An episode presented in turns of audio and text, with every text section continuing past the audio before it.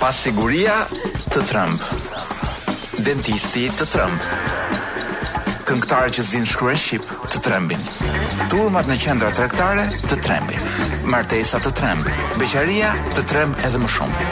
Tabela kujdes shofer i ri të tremb. Çmimet e shtëpive të trembin, kredia të tremb. Po ky është një emision që nuk ju tremb. Sot nuk është e hënë. Ka kohë që ka filluar të më trembë edhe kompetenca e tepruar. Në gjykimin tim jetojmë në një vend që është në mangësi të fortë profesionistësh, njohurish, kompetence, kur themi. Dhe sa më me pakicë i kemi, aq më shumë shtohen kompetentët në të gjitha fushat. Ë njerëz që ti thua po ky ku ishte, kush është, ç'do këtu dhe për çfarë po flet. Ë njerëz që të japin mend për çdo gjë dhe unë gjykoj që Kompetenca është kaq shqetësuese sa që le të konsiderojmë që për 2 orë do flasim në mënyrë aspak kompetente për gjithë gjërat dhe gjithë temat që do trajtojmë sot.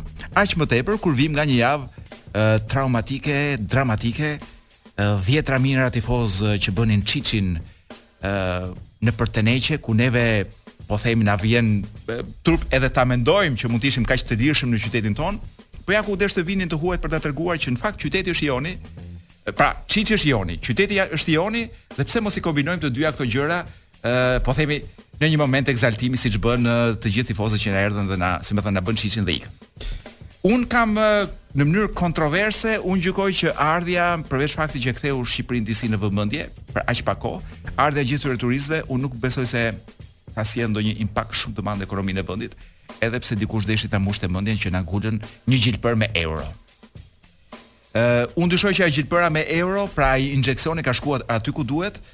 Ë uh, dhe për më tepër që do riciklohet në ekonominë shqiptare se në fund të fundit në mënyrë uh, amatoreske mund të themi që uh, suksesi vërtet është kur ato euro rrin dhe harxhohen dhe konsumohen në ekonominë shqiptare, jo kur i merr dikush, ai që i mori këtu i merr dhe shkon dhe bën pushime jashtë shtetit. Pra këtë rast ne nuk kemi fituar pothuajse asnjë gjë Por e kush jam unë për folur për ekonominë e lartë të këtij vendi. Ë do ta nisim pra në mbas traumave dhe dramave të javës kaluar ë dhe mbas ë një sulmi të jashtëzakonshëm alergjish ë nga gjitha anët, pra alergjitë në këtë vend janë bërë si një re karkalecash ë që tashmë e kanë nxirë komplet pranverën tonë, që s'është as pranverë. Dhe një ditë si kjo do ta marrim shtruar dhe me qetësi. Pra, do ta marrim me një blok publicitar në këtë moment, mbas të cilit do lëshojmë një këngë e cila të transporton pak nga Shqipëria për pak kohë, për pak minuta. Do të jenë Rammstein me Amerika. Ju rikujtoj që un jam Koloreto Cukali.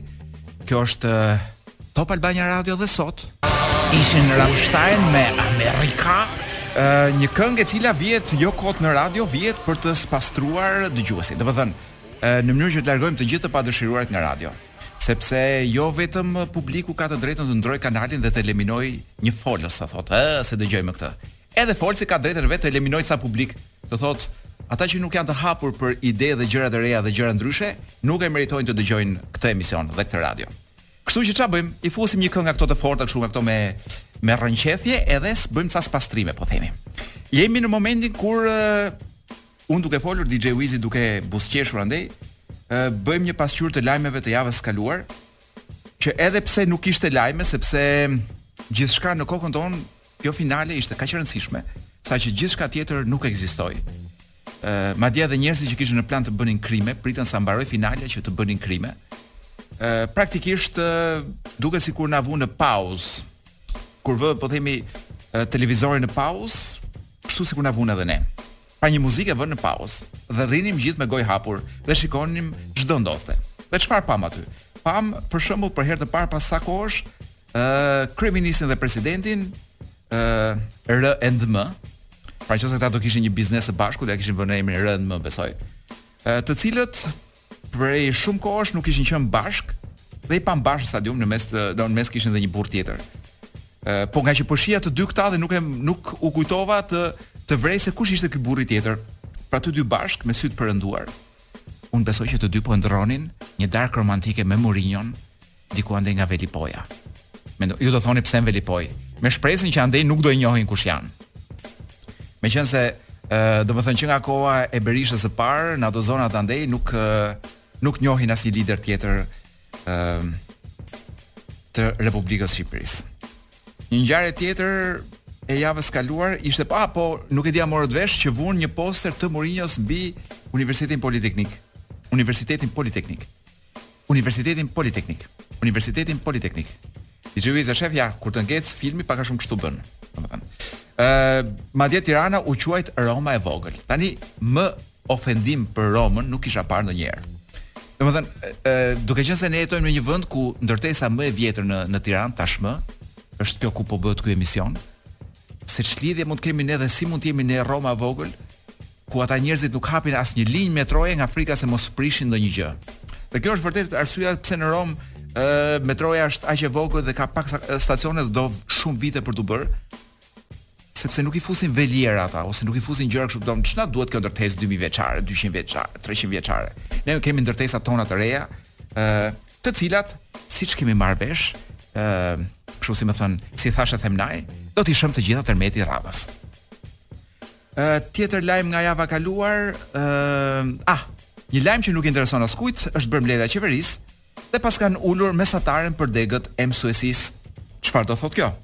Do thotë që në qoftë se 7.5 ishte mesatarja për t'u bërë mësues, pra për të hyrë në shkollën që të bën mësues, ë në degët që të nxjerrin mësues, tashmë e kanë çuar në 6.5. Që kur ishte 7.5 praktikisht futeshin në mësuesi njerëz analfabetë. Tashi me 6.5-ën do futen njerëz të cilët nuk arrijnë dot të bëjnë as matematikë me gishta, me 10 gishta. Njerëz që matematikën e kuptojnë vetëm si mbledhje dhe zbritje lekësh. Pra njerëz që kur i jep ca lek arrin të bëjë llogaritë përnjëherë. 330.045. Po po t'ia japësh kështu uh, me shifra, jashtë lekëve nuk arrijnë të bëjnë as as mbledhjet as zbritjet, larg qoftë shumëzimet. Këta njerëz me këtë vendim të qeverisë tashmë do bëhen mësues. Dhe pse ndodh kjo do thoni ju sepse qeveria nuk do që të ngrejë rrogat e mësuesve për të rritur cilësinë. Dhe meqenëse askush nuk shkon me rrogat e kësaj qeverie, kanë vendosur që rrogat t'i mbajnë aty ku janë, po të gjithë papunët e tjerë që nuk i marrin as për ndërtim apo ngarkim shkarkim, tashmë të mund t'i fusin për mësues. Dhe pastaj themi pse jemi, pse kemi përfunduar kështu. Arsyeja shumë e thjeshtë, gjithçka fillon tek shkolla. Po kujt t'ia thuash se. Dhe për ta mbyllur, ë kemi një lajm rajonal Erdogani paska thënë që kryeministri i Greqisë Mitsotakis për të nuk ekziston më. Dhe këtë vendim të madh Erdogani e ka marrë mbas vizitës së Mitsotakisit në Shtetet e Bashkuara. Dhe kështu e paska thënë. Ja ta ta hapim lajmin dhe ta shohim tamam se ç'ka thënë, e si e ka thënë. Po. Nuk ekziston më për mua ka thënë mbas vizitës në Shtetet e Bashkuara, ku Mitsotakis ka kritikuar edhe Turqinë. Dhe ne pak më vonë do do trajtojmë 10 mënyra se si t'ia bëjë Rama për të shkuar në Amerikë po pa mërzitur Erdoganin. Por ky lajm në vetvete tregon që dy kryeministrat Mitsotakis edhe Erdogan kanë pasur edhe lidhje një marrëdhënie seksuale dhe kjo kuptohet. Un kam dyshuar prej kohësh për këtë. Ë dhe ja ku vërtetohet, njëri u mërzit për tjetrin. Dhe nuk po e them se kush është burri në këtë lidhje. Ngjashmëritë e mbretëreshës Elizabeth me kryeministrin Rama janë të, domethënë, janë të tilla që të fusin një lloj rrënqethje. Un po lexoja tetë rregulla strikte ë që duhet të ndjek kushdo që ka fatin tashmë të takojë mbretëreshën dhe pjesa e madhe e tyre për të mos thënë të gjitha janë dhe rregulla që ë në qoftë se ke fatin e keq të takosh kryeministrin shqiptar duhet t'i ndjekësh. Ë mbretëresha Elizabeth ju mund ta dini që është 95 vjeç, mund ta dini që është ë mbretëresha apo mbreti më më i vjetër që ka mbretëruar më gjatë në historinë e njohur të njerëzimit, 70 vjet tashmë në front. Dhe mund ta imagjinoni që ka edhe një protokoll shumë strikt për takimet me mbretëreshën, ku gjëja kryesore është e para fare, është që ti nuk mund të flasësh i pari. Dhe nuk e di a keni provuar ndonjëherë ose a keni dëgjuar nga njerëz që kanë qenë pranë kryeministrit shqiptar dhe kanë tentuar të flasin të parët dhe u ka kërcitur kokës në një tufë çelësash për shembull. sepse është një gjë që nuk duhet bërë. Madje edhe në qoftë se ke fatin të të flasësh me mbretëreshën apo me kryeministrin, është shumë e rëndësishme që të mos flasësh për tema ku kryeministri ose mbretëresha janë të detyruar të japin opinionin e tyre. E, një gjë tjetër, po aq e rëndësishme, një rregull tjetër i protokollit është që nuk duhet t'i kthesh shpinën mbretëreshës në asnjë lloj rasti. Nuk mund të them që zbatohet 100% për kryeministrin, edhe edhe pse kam dëgjuar që po t'i kthesh shpinën, ai heq këpucën dhe gjuan me këpucë. Por ja këta të vegjlit, se janë ca tipa xhuxha që i rrin rrotull, domethënë, të cilët ë uh, ikin dhe nuk i zë këpuca, pra edhe kur i kthejnë shpinën, për mbretëreshën është po nuk të bën zemra njëherë t'i kthesh shpinën mbretëreshës. Ë uh, nuk duhet ta prekësh, Provoni të prekni kryeministrin sepse të vjen një wow, të vjen një kështu një karate nga andej nga ti nuk e pres sepse kryeministri edhe kur është në zyrën e vet mban një sambist apo sambist i themi neve të futur poshtë tavolinës. Pra një karateist. Ë, duhet të jesh sigurisht të përkulesh, të ulesh në gjunjë. E nuk e di nëse të gjithë i ulen në gjunjë kryeministrit apo jo. Ë, por Un kam përshtypjen që atij do i pëlqente shumë. Dhe është një rregull që edhe në qoftë se nuk nuk e ka mund ta fusë në protokollin e vet. Pra të hysh në zyrën e kryeministrit ose duke u zvarritur ose në gjunj do ishte shumë bukur. Duhet t'i çosh dhurata mbretëreshës, që është një formë kortezie.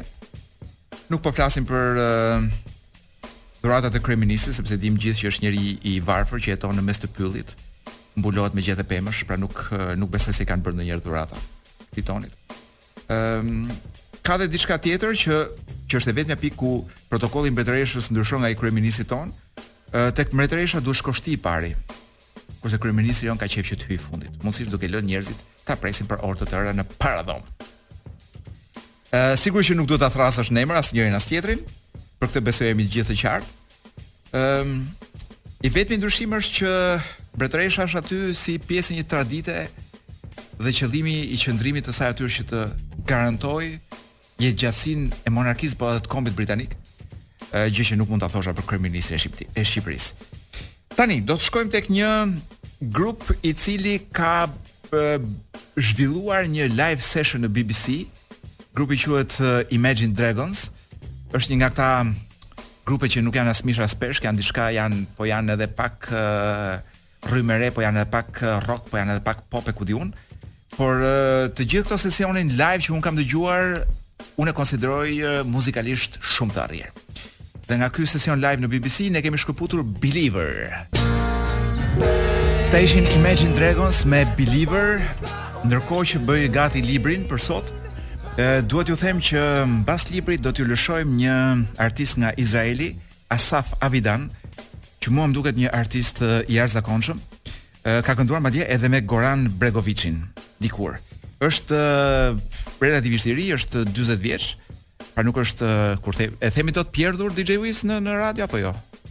Nuk na lejojnë. Pra nuk nuk e themi dot që nuk ka pjerdhur akoma, po nga ana artistike, por nuk është akoma axhami, domethënë është është tamam aty ku është pjekur tamam siç duhet. Ë, por para se t'ju lëshojmë Asaf Avidanin, do t'ju lexoj pak faqe nga libri i Svetlana Aleksieviç. Ë, kjo zonja gazetare ka fituar çmimin Nobel për letërsinë përpara 7 vjetësh. Është botuar me dy apo tre libra në shqip, ne kemi lexuar një herë një libër nga kjo, e librin me rrëfimet e grave gjatë Luftës së Dytë Botërore, libri që un kam në dorë, mua më duket shumë i rëndësishëm. Titullohet Kohë e dorës së dytë, është botuar në 2017 nga Fan Noli, shtëpia botuese Fan Noli. Është përkthyer nga Xhimi Lazri. Ë kushton, nëse ç, po qe se doni ta blini, ju do e gjeni ku është dhe do e blini aq sa ç'është. Ëh, është një libër shumë i rëndësishëm, pse do thoni ju? Në gjykimin tim, neve nuk kemi një libër si ky që të zbërthejë po nga pikpamja e shumë njerëzve, ë emocionet dhe përshtypjet e e shndrimit të Shqipërisë nga një vend komunist, pra nga ajo që ne i themi koha e Enverit, në një kohë të re që është kjo, kjo koha e tranzicionit. Pra, kalimi i një populli të tërë mbas 50 vjetësh në një sistem, kalimi në një sistem tjetër. Ë gjëja që ka bërë kjo Svetlana është që ka bërë pikërisht këtë libër që ne s'e kemi. Kjo ka folur me qindra njerëz për uh, gjatë hapësirave të ish republikave sovjetike për të marrë një opinion çfarë ishin dhe çfarë janë. Dhe si e kanë përjetuar këtë kalimin nga një sistem në tjetrin? Dhe e gjitha kjo të jep një Gjithë libri të jep një informacion shumë të madh për të kuptuar çfarë janë rusët, çfarë janë sovjetikët, por mbi të gjitha të ndihmon për të kuptuar atë që ne s'e kemi kuptuar akoma për Shqipërinë, pse jemi kështu sot. Pra pse ky kapitalizmi jonë nuk i ngjan fare kapitalizmit, po themi amerikan apo uh, anglosakson apo edhe atij europian larg qoftë. Pra pse ne jemi në gjendje xhungle uh, dhe pse kemi një miks të çuditshëm edhe mbas 30 vjetësh të dy sistemeve. Pra jemi një sistem kapitalist për po i manaxhuar si një sistem stalinist. Libri është i tëri me rrëfimet e njerëzve, të cilët janë shumë të artikuluar dhe flasin shumë bukur. Ë uh, po flas po e kam e kam mbajtur qëllimisht librin në një faqe ku rrëfen njëra që është mjeke 57 vjeçare Margarita Pogrebitskaya, ë uh, e cila flet për për gjithë përvojën e vet të asaj kohe dhe të kësaj kohe dhe për këtë pjesën e ndërmjetme. Dhe flet dhe për ca gjëra interesante të kohës Stalin. Ëh, dhe flet për pra ndërkohë që kjo flet se sa e vlerëson atë periudhë, vazhdon më tutje thotë, ju do të më pyesnit, do doni të besoj të dinit me siguri se si mund të pajtohej kjo lumturi e jona, pra asaj periudhe, Me faktin që të me faktin që të tjerët i kapnin dhe arrestonin në mes të natës. Dikush zhdukej, dikush dëneste para një dere të mbyllur. Vërtet s'di ç'them. Mua këto s'më kujtohen. Unë mbaj mend jargavanët kur çelin në pranverë dhe festat në rrugë, aromën e trotuareve prej druri të nxehur nga dielli, aromën e diellit. Paradat verbuese të gjimnastëve me ngërthimin e trupave e të luleve në sheshin e kuq, që formonin emrat Lenin dhe Stalin. Këtë pyetje ia kam bërë dhe mamasë. E pyeta se ç'kujtime kishte nga periudha e Berjas, nga Lubjanka. Lubjanka është në mos gaboj ë vendi ku çonin për të për të pyetur në hetuesi dhe periudha Berjas mbahet si një nga më të zezat të të, të, të kohës sovjetike. Mamaja s'përgjigjej. Një herë të vetme më tregoi për një verë kur po ktheheshim me tren nëpër Ukrainë, pasi bashkë me babain kishin kaluar pushimet në Krime. Ishin vitet tridhjetë. Vitet e kolektivizimit. Në Ukrainë kishte një krizë të madhe urie. Holodomor i thonë ata në gjuhën e tyre. Vdiqën me miliona, fshatra të tërë. Nuk kishte më as njerëz për të varrosur viktimat. ukrainasit i vrisnin sepse ata nuk pranonin të hynin nëpër kolkoze. Kolkozet ishin si kooperativat tona të kohës së xhaxhit. I lanë të vdisnin urie. Tani e di. Në të kaluarën kishin pasur ë seshin e lirë të kozakëve dhe ruanin kujtimin. Ë, kjo seshi ishte një qeveri e asaj kohe që kanë pasur kozakët. Ë, ajo është një tokë që sikur edhe një shkop të fusësh, flet për Ukrainën, rritet e bëhet menjëherë pemë. Dhe tani po vdisnin nga uria.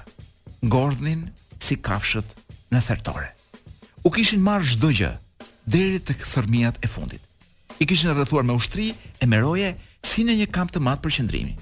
Tani e di. Në zyrë kisha zënë miqësi me një kolege nga Ukraina, e cila i kishte dëgjuar tërë këto nga gjyshja e saj.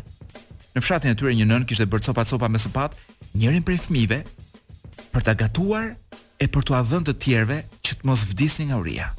Fëmijën e saj. Janë gjëra që kanë ndodhur vërtet. Njerëzit kishin frikë t'i linin fëmijët të largoheshin nga oborri i shtëpisë. Mund të vinin, t'ua rrëmbenin e t'i hanin, sikur të ishin qen apo mace. Vogëlushat rrëmonin tokën e kopshtit të shtëpisë me shpresën se mos gjenin ndonjë krimb për ta ngrënë. Kush mundej, zvarritej drejt qytetit nëpër shinat e trenit me shpresën se mos ndokush do të hidhte nga dritarja ndonjë copë kothere bukë. Por ushtarët i shtynin me shkelma apo me qytat e pushkëve. Trenat shtonin në maksimum shpejtësinë, konduktorët e tyre mbyllnin dritaret, ulnin perdet, as, askush nuk pyeste kurrkënd për kurrgjë. Njerëzit mbërrinin në Moskë me shishe vere dhe fruta dhe tregonin si ishin nxirë nga dielli. Këtu ajo hesht. Po. E doja Stalinin. E kam dashur gjatë. Edhe kur filluan të shkruanin se ishte shtatshkurtër, qimekuq, me një dorë të tharë. Dhe se kishte vrarë gruan. Edhe kur ia shembën mitin. Edhe kur e nxorën nga mauzoleumi. Unë gjithnjë e kam dashur njëlloj. Për shumë gjatë kam qenë një e re staliniste, për shumë kohë. Tamam kështu. Jo vetëm unë, por edhe shumë të tjerë si puna ime. Tani që ajo epokë nuk është më, kam mbetur si duarbosh.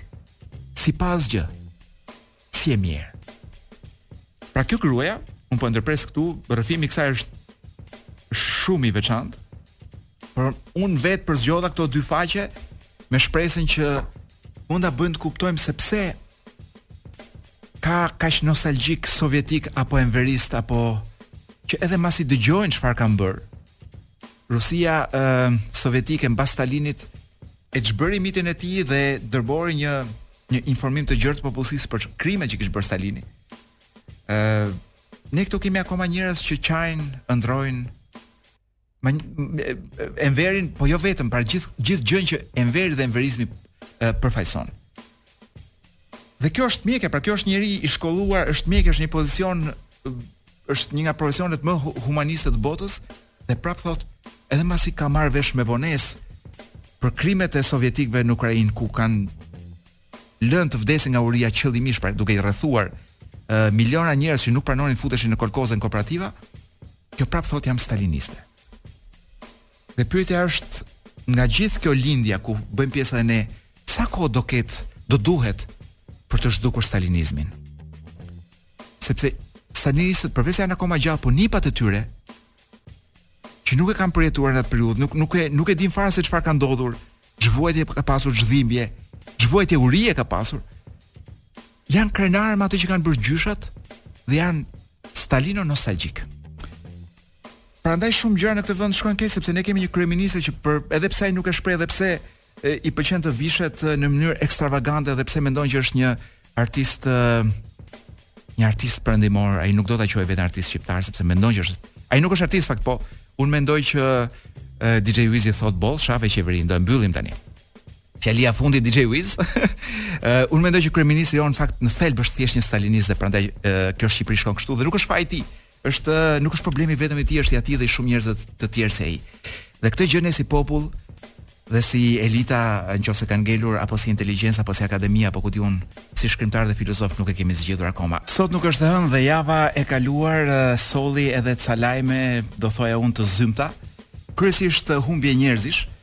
Ë Unë mendoj që një pjesë e mirë e atyre njerëzve që dëgjuam që kanë që na kanë lënë, kanë qenë personazhe shumë të veçantë, shumë karizmatik dhe ndonjëri prej tyre edhe i jashtëzakonshëm, për shembull, ë uh, unë do veçoja nga gjithë ata që na që të cilët i humbëm, ë uh, dhe e gjykoj që është humbje për gjithë ne. Unë do veçoja Enea Zhegun, që mora vesh që edhe ai na ka lënë. Ë Enea ka luajtur Tomkën, unë nuk besoj që do kishte një një djalë tjetër që do mund ta luante Tomkën siç e ka luajtur ai.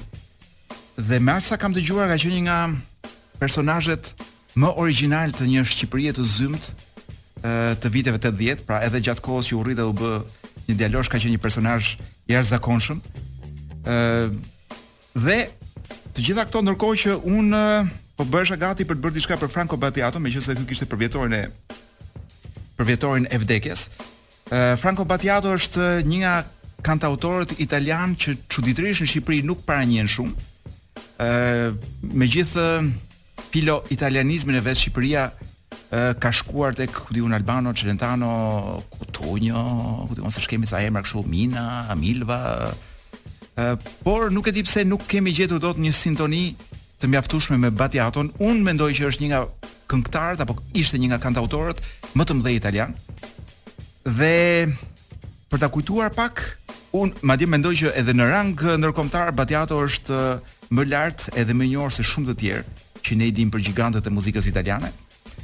Ë, por një nga këngët e tija është një këngë që është shumë e veçantë në stil, e, duket sikur ai në këngë në tekst ka hedhur ë copra mendimesh.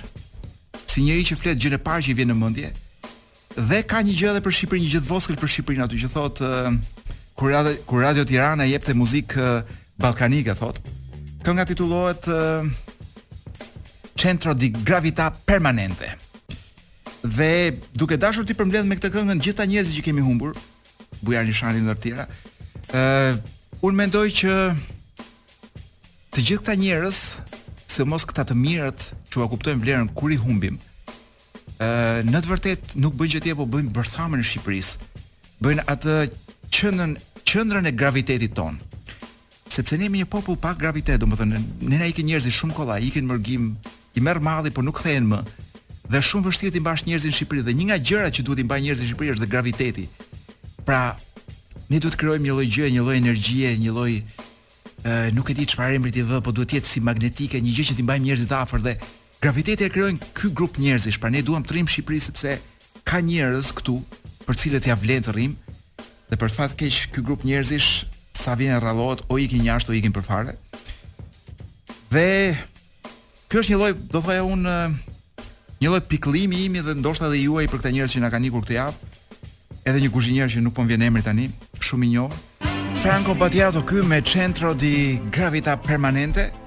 Ndoshta duhet një herë tjetër të ndalemi më gjatë te Battiato, po tani do të kalojmë tek 10 mënyra se si kryeministri Rama mund të vizitojë Shtetet e Bashkuara të Amerikës pa e marrë vesh Erdogani sepse ë edhe në qoftë se nuk na keni ndjekur nga fillimi, por mund ta keni dëgjuar në lajme që Erdogani paska thënë nga ato gjëra që i thon zakonisht fallxhorët. Micotakis nuk ekziston më për mua thot. Dhe këtë gjë ka bërë mbasi Micotakis vizitoi Shtetet e Bashkuara të Amerikës. Sigurisht, i llapi goja disa gjëra atje, po e rëndësishme është që ti nuk mund të shkosh në Amerikë një herë, sepse Erdogani ë si më thon të zhbën, të thot ik, ti nuk ekziston më për mua. Dhe kryeministri shqiptar rrezik do i duhet të zgjedh mes Erdoganit dhe Amerikës. pra mes po themi është ndërmjet Shilës edhe Karibdës. Ku le të themi që Karibda i bie të jetë Erdogani në këtë mes. Pra 10 mënyra se si Rama mund të vizitojë shtetet e bashkuara pa marrë vesh Xhaxhi Erdogani e para. Të gjitha këto janë po themi ë uh, do thoja unë frymëzime artistike uh, për të cilat më ka ndihmuar dhe shumë atje kolegu im Florenc Zerellari dhe Pra, le të mos i marrë stafi i kryeministrit shumë seriozisht. Sepse ndryshe do ngeleshin pa kryeministër dhe kush rri e zgjedh ndërmjet 100 kopjeve të tij që qarkullojnë vërdall, ë një Ramë të dytë që do bëhet si ai. Atëherë, 10 mënyra si mund të vizitojë Rama shtetet e bashkuara pa marrë vesh Erdogani. E para, të vishet si Dracula dhe të shkojë në Amerikë vetëm gjatë muajit të Halloweenit. E dyta, të fshihet në anije ku udhëton dhe Greta Thunberg. Unë shpres, do shpresoja që jo, sepse në këtë rast nuk do kishte Greta Thunberg do në fund të këtij udhëtimi me Ramën do ishte bërë një ë uh, një antiambientaliste e sigurt. Ë uh, ideja tjetër, takimet diplomatike mund t'i bëjë në area 51, pra në në në këtë zonën 51 larg kamerave ose ideja tjetër, t'i bëjë në dy të natës nëpër qilar. Dhe këtu kam parasysh ato dokumentaret me Ghost Hunters. mund të shkojë në Amerikë ku Xhaxhi kur Xhaxhi Erdogani të jetë në gjumë ose kur është në spital për dializë. ë Një mënyrë tjetër se si mund të vizitoj Rama shtetet e bashkuara pa marrë vesh Erdogani është që të rruhet dhe të heqë dorë nga xhepi nga xhupi i Juventusit. Në këtë rast Erdogani nuk do e njohë që është Rama, do mendojë që është thjesht një burrë shteti i rastishëm.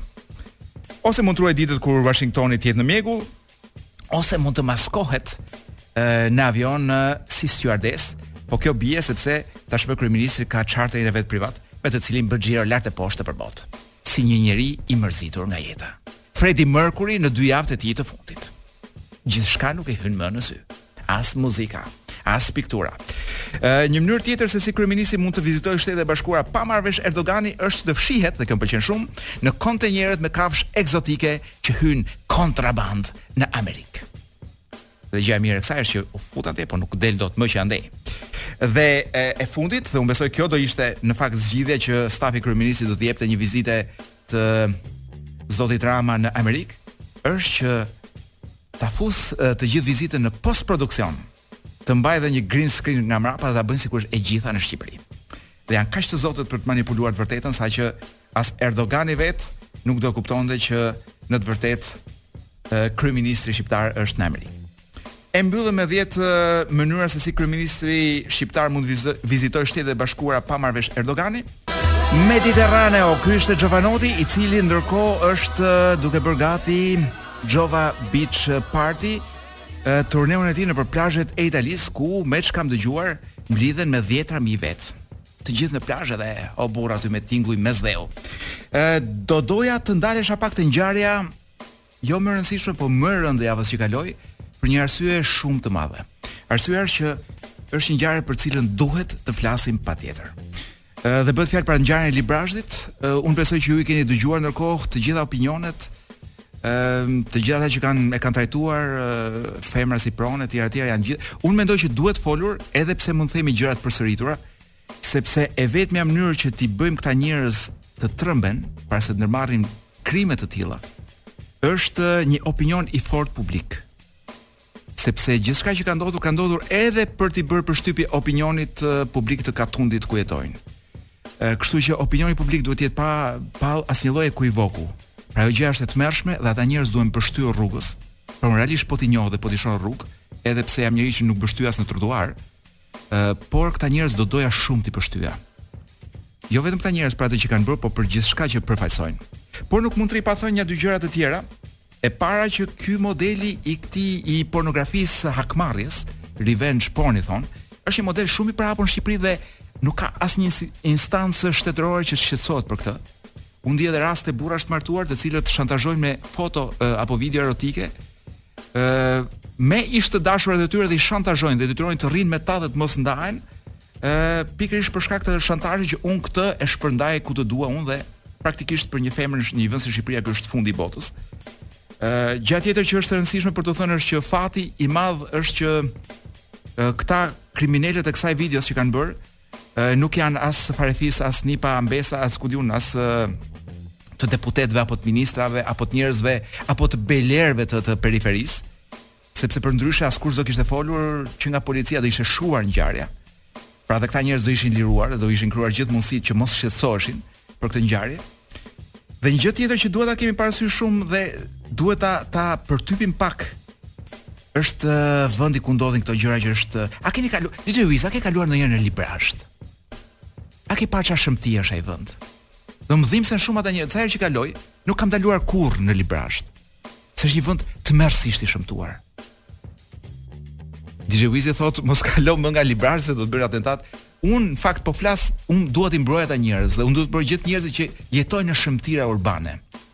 Sepse kur ti jeton në një vend të shëmtuar, aq të shëmtuar, ti fillon të shëmtohesh nga brenda. Pra kur ti del dhe shef një qytet, qytet të tmerrshëm, sigurisht që ti bëhesh kriminal.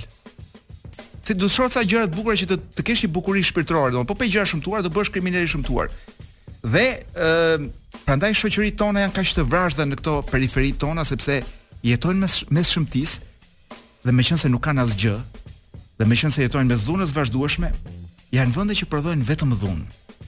Pra ata njerëz kanë pasur në kokën e tyre vetëm një gjë, turpi që kanë nga, nga katundi i vogël që vetëm flet dhe merret vetëm me llafe dhe nuk ka asgjë të bukur në jetën e vet përveç thashethemeve. Këta ishin Jericho që është në gjykimin tim modest edhe jo kompetent, një nga grupet më të mira të rockut në Shqipëri, me një këngë që është totalisht politike në garë për qeveri, pra tregon se çfarë duhet bëjë një njeri që të bëjë ato zullumet që bëjnë qeveritarët tanë, këtej edhe andej. DJ Wiz, do e lëm pak politikën mënjanë se do flasim për seksin. Sot vetëm për ty, pra sot do flas vetëm për ty. Ë sepse do të tregoj 7 rekorde botërore të seksit, që janë të gjitha të regjistruar në librin e rekordeve Guinness. Do ta fillojmë, nga do thu, nga do ti ta fillojmë? Ngri dorën lart. Ngri dorën lart dhe mos e ul. Sepse do flasim për muajin e masturbimit. Është maji është muaji i masturbimit në Shtetet e Bashkuara të Amerikës. Dhe un jam që ta bëjmë edhe në Shqipëri, si aleatë të ngushtë që jemi. Dhe po shoh këtu që është zhvilluar edhe një masturbaton në vitin 1999. Ë uh, pikërisht për për të uh, për të garuar se kush masturbon për një kohë më të gjatë. Por kjo nuk ishte asgjë sepse mbas 10 vjetësh hyri në lojë ë uh, kampioni i vërtet që është një japonez, i cili vuri rekordin duke masturbuar për 9 orë dhe 33 minuta. Tashi unë këtu vetëm duke e thënë më duket një gjë shumë e dhimbshme. ë uh, dhe unë nuk e di nëse është bërë më njeri mbas saj, po ky uh, ky rekord është imagjino është thyer më vonë nga një tjetër. ë uh, të ta them dhe emrin po duash, por është një emër që duket shumë i zakonshëm Drake Hardy, i cili e ngriti kufirin në 10 orë edhe 10 minuta. Dhe ë uh, madje ky kampioni aktual i masturbimit jep edhe këshilla për për për ata që duan të thyejnë rekorde, thotë ë uh, mos shiko kurr porno. Madje ky tregon kur kur thyen këto rekorde çfarë bën. Vë një muzikë të bukur aty, ku di unë, Elvana Gjata ndoshta, me gjëra të tilla të mbajnë lart përpjetë. Ëm e vë qirinj, gjëra aromatike, pra e bën më mirë se ç'bëjnë njerëzit në Shqipëri takimet e tyre të dashurisë me në natën e parë të martesës. Ë tjetër, e ke parë filmin 40 vjet i virgjër? Ke dëgjuar pra thashethemin që qarkullon në radio që është një 40 vjeçar këtu që është i virgjër? S'ke dëgjuar gjë? Mos bëj. Unë unë kam dëgjuar, por nuk nuk ta them dot se kush është sepse e një një ose dy kemi të asaj moshe dhe kam frikë mos si me thënë mos u hapet nami keq dhe shkojnë 70 vjeç. Por e, sikur të shkojnë 100 vjet të virgjër, të virgjër, këta nuk do thynin dot rekordin sepse rekordin e virgjërisë e mban një e, britanike, një zonjë e nderuar, e, e cila në një intervistë për e, ditëlindjen e vet të 107 Kur e pyetën cili është sekreti i jetëgjatësisë tënde, tha të mos bërit seks. Pra kjo kish marrë vendim të mos bënte kurrë seks. Dhe meqenëse në zonën ku ishte dhe të mos, më fal, të mos martohej kurrë, dhe meqenëse aty ku jetonte kjo dhe në moshën që jetonte kjo, për të bërë seks ti duhet të martoheshe, kjo nuk u martua kurrë dhe ngeli pa bërë seks, dhe unë mendoj që gjithë ata që po na dëgjojnë në këtë moment nuk e thyejnë dot këtë rekord. Kam frikë.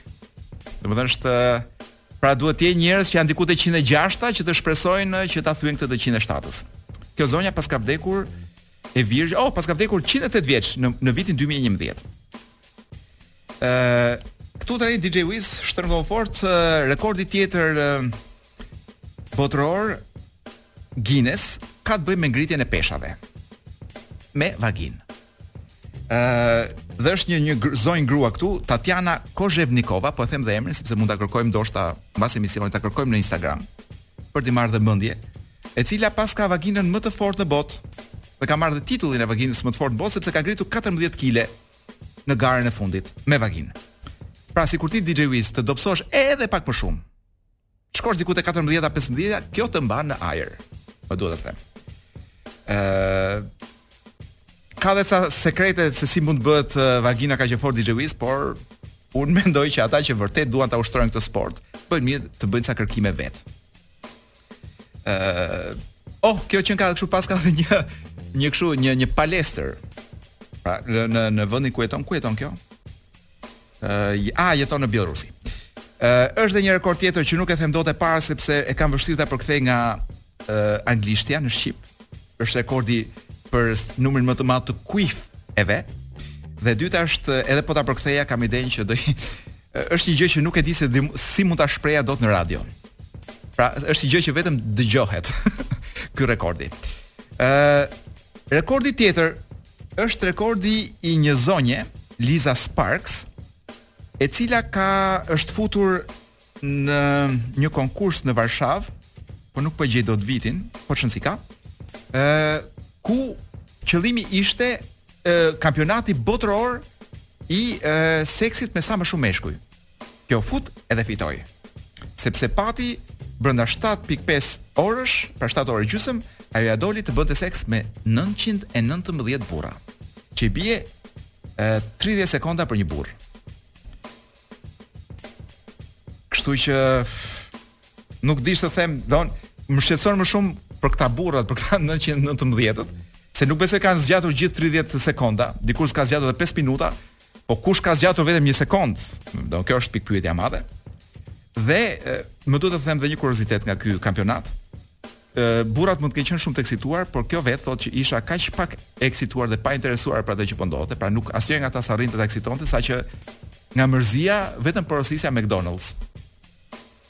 Ë, uh, unë nuk e di nëse ndonjëri nga ju do donte ta thyente këtë rekord, unë nuk e këshilloj. Sepse nuk kemi McDonald's në Shqipëri, me sa di unë, apo kemi. Po, nuk kemi. E pse desh na doli si reklamë. Hiqe në montazh DJ Wiz. Ë, uh, dhe rekordi tjetër Edhe sa kam këtu DJ, edhe dy kam. Rekordi tjetër është rekordi i vendosur nga një iranian, i cili për një arsye që unë s'e kuptoj dot, në moshën 21 vjeçare vendosi të bëjë një tatuazh në penisin e vet. Dhe tatuazhi shkruante Boro be salamat, që thotë paç rrugën e mbarë në udhëtimet e tua. Dhe që ta bënte këtë tatuazh në penisin e vet, sigurisht që i futi një një injeksion për ta mbajtur të erektuar, pra të me të, të ngritur gjatë kohës që i bëi tatuazhi. Mirë, por çfarë ndodhi kur u bë tatuazhi, seç i pickuan diçka aty dhe nuk, si me thënë, nuk bëhej dot procesi i shfryrjes i organit. Dhe e, kjo gjë quhet ka një term shkencor për këta që kanë ereksion dhe nuk arrin ta ta ta, pra ta ta, ta zhbëjnë ereksionin, quhet priapizëm. Dhe si me thënë, këtij i mbeti e, organi i vet në një gjendje pothuajse të eksituar për shumë kohë derisa më në fund ia prenë me sharrë.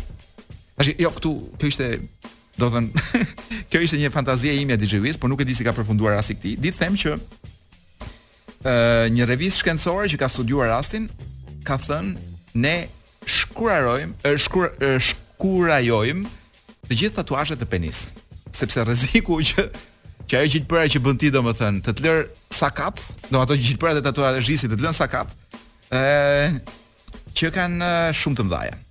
Do thuash po mirë nëse njeriu është i erektuar gjithë kohën pse pse e quan sakat.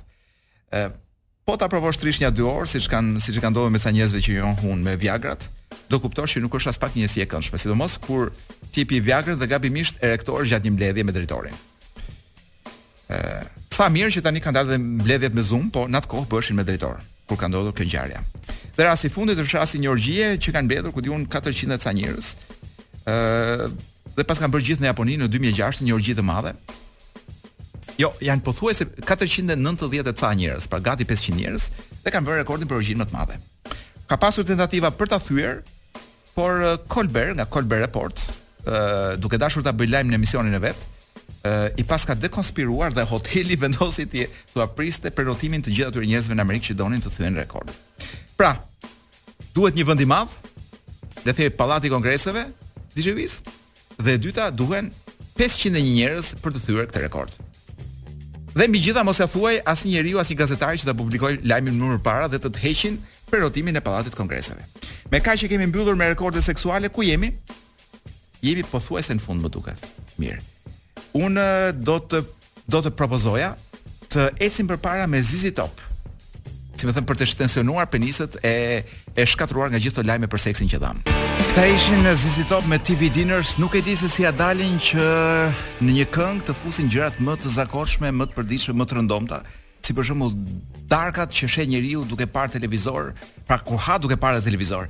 Vetëm një grup i jashtëzakonshëm si ZZ Top eh, mund ta bëjnë dhe për të ngelur te këto grupet e vjetra klasike, por që vazhdojnë dhe prodhojnë muzikë, do t'ju sjellim një gjë shumë të vjetër, ju mund të mendoni që kishin vdekur, jo janë gjallë dhe kanë bërë një super album Scorpions me Shoot for, Shoot for Your Heart. E dëgjoni tani ndërkohë që ne së bashku dëgjohemi mbas një jave në Top Albania Radio me Sot nuk është e hënë.